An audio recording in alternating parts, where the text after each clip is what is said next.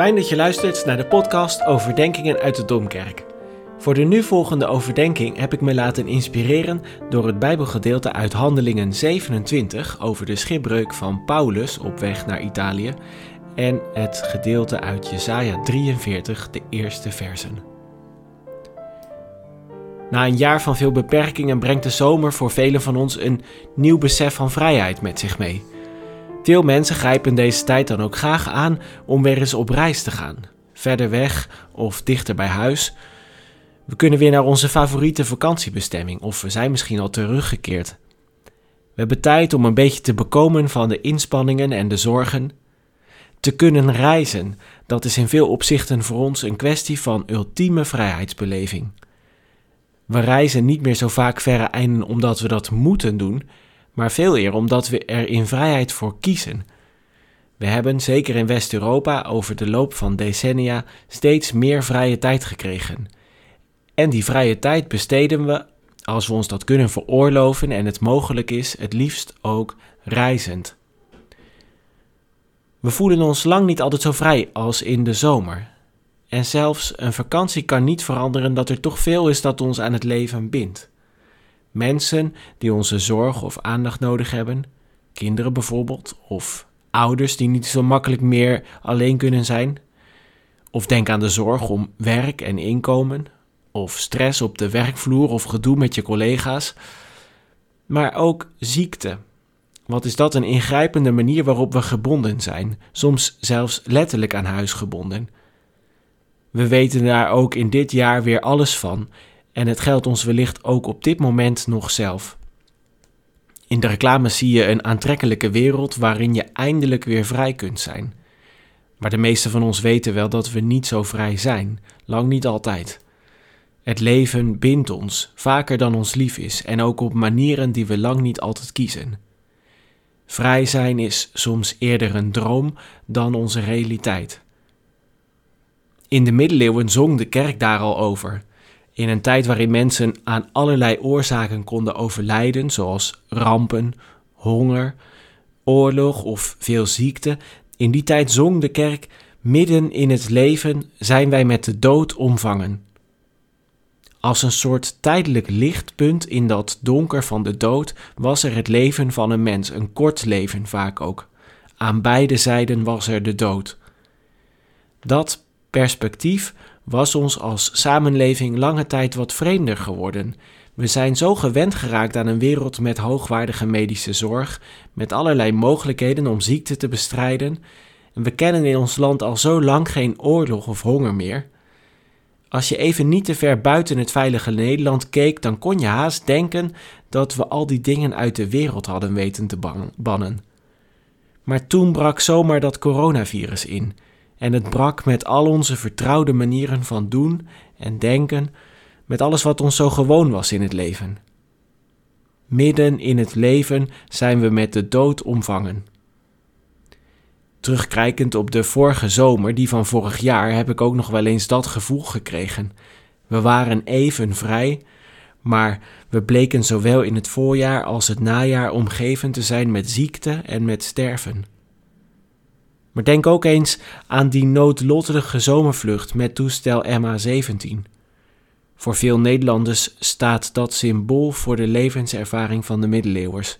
Midden in het leven, op je vakantie, als je denkt van je ultieme vrijheid te kunnen gaan genieten, ben je zomaar door de dood omgeven. Het kan opeens voorbij zijn. In de tijd van het Nieuwe Testament, in de wereld van Jezus en van Paulus, reisde vrijwel niemand uitsluitend voor zijn of haar plezier. Slechts omwille van je vrijheid de wereld verkennen, dat was er voor het overgrote deel van de mensen gewoonweg niet bij. En voor die enkelingen die het zich wel konden permitteren, was het alsnog buitengewoon risicovol. Weliswaar hadden de Romeinen veel werk gemaakt van een begaanbaar wegennetwerk, maar dat diende toch vooral militaire en commerciële doelen. Je ging op reis als je niet anders kon, bijvoorbeeld omdat je handel dreef. Maar voor de meeste mensen was een reis naar Rome absoluut niet iets dat ze zouden doen, of iets dat ze ooit verwachten nog eens zouden meemaken. Dat Paulus en zijn reisgenoten wel zoveel reisden, dat getuigt ook in dat licht van die omstandigheden van een buitengewoon besef van roeping en van missie. Hij moest wel. Paulus kon naar eigen besef niet anders dan op weg gaan, uiteindelijk ook naar Rome. In die wereld waarin reizen zo met het risico van sterven was omgeven, daar was het water wel in het bijzonder bedreigend. Het water van de zee was grillig, en als je niet kon zwemmen natuurlijk helemaal, dan stond het gelijk aan de dood.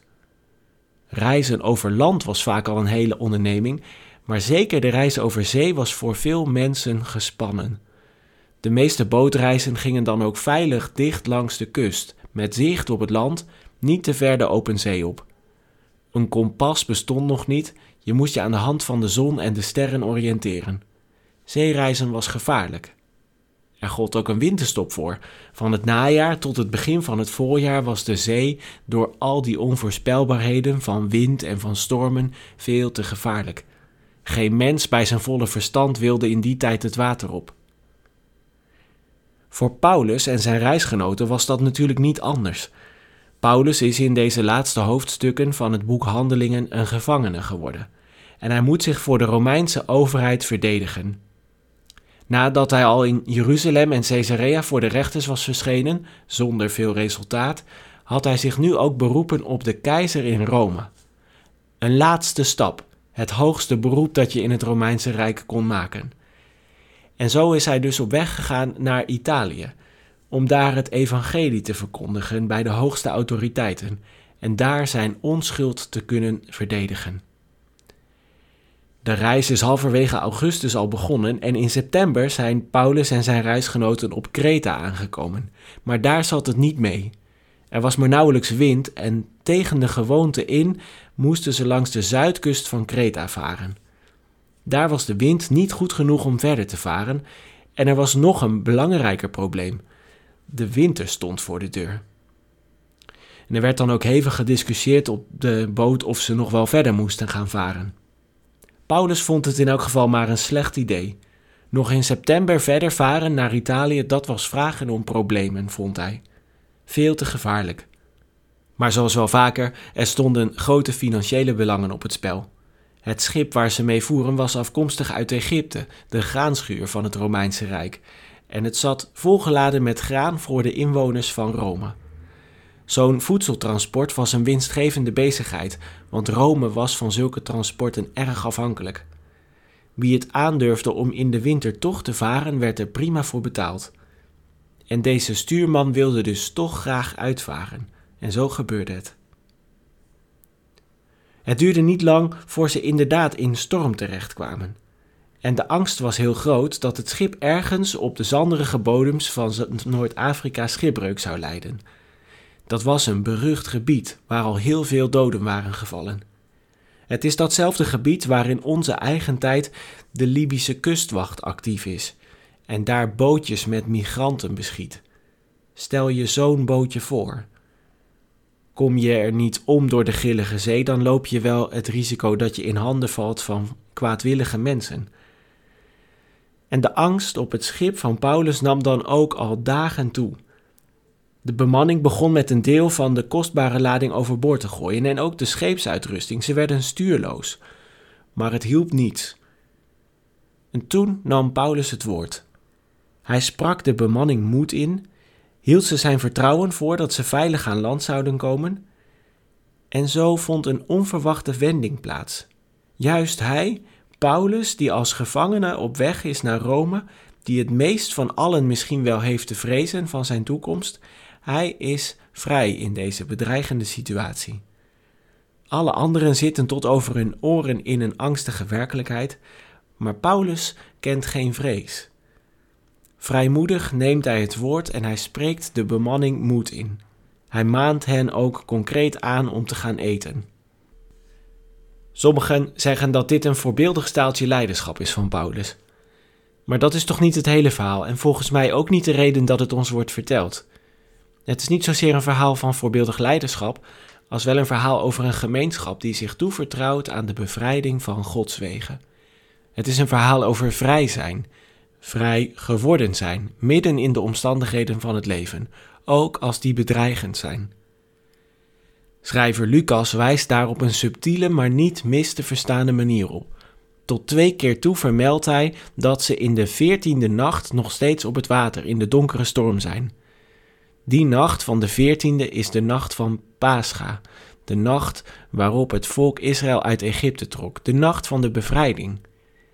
Dit verhaal is volgens schrijver Lucas dus ook een paasverhaal. Het gebeurt in de paasnacht. Het gaat over de bevrijding die God zelf brengt in het diepst van de nacht.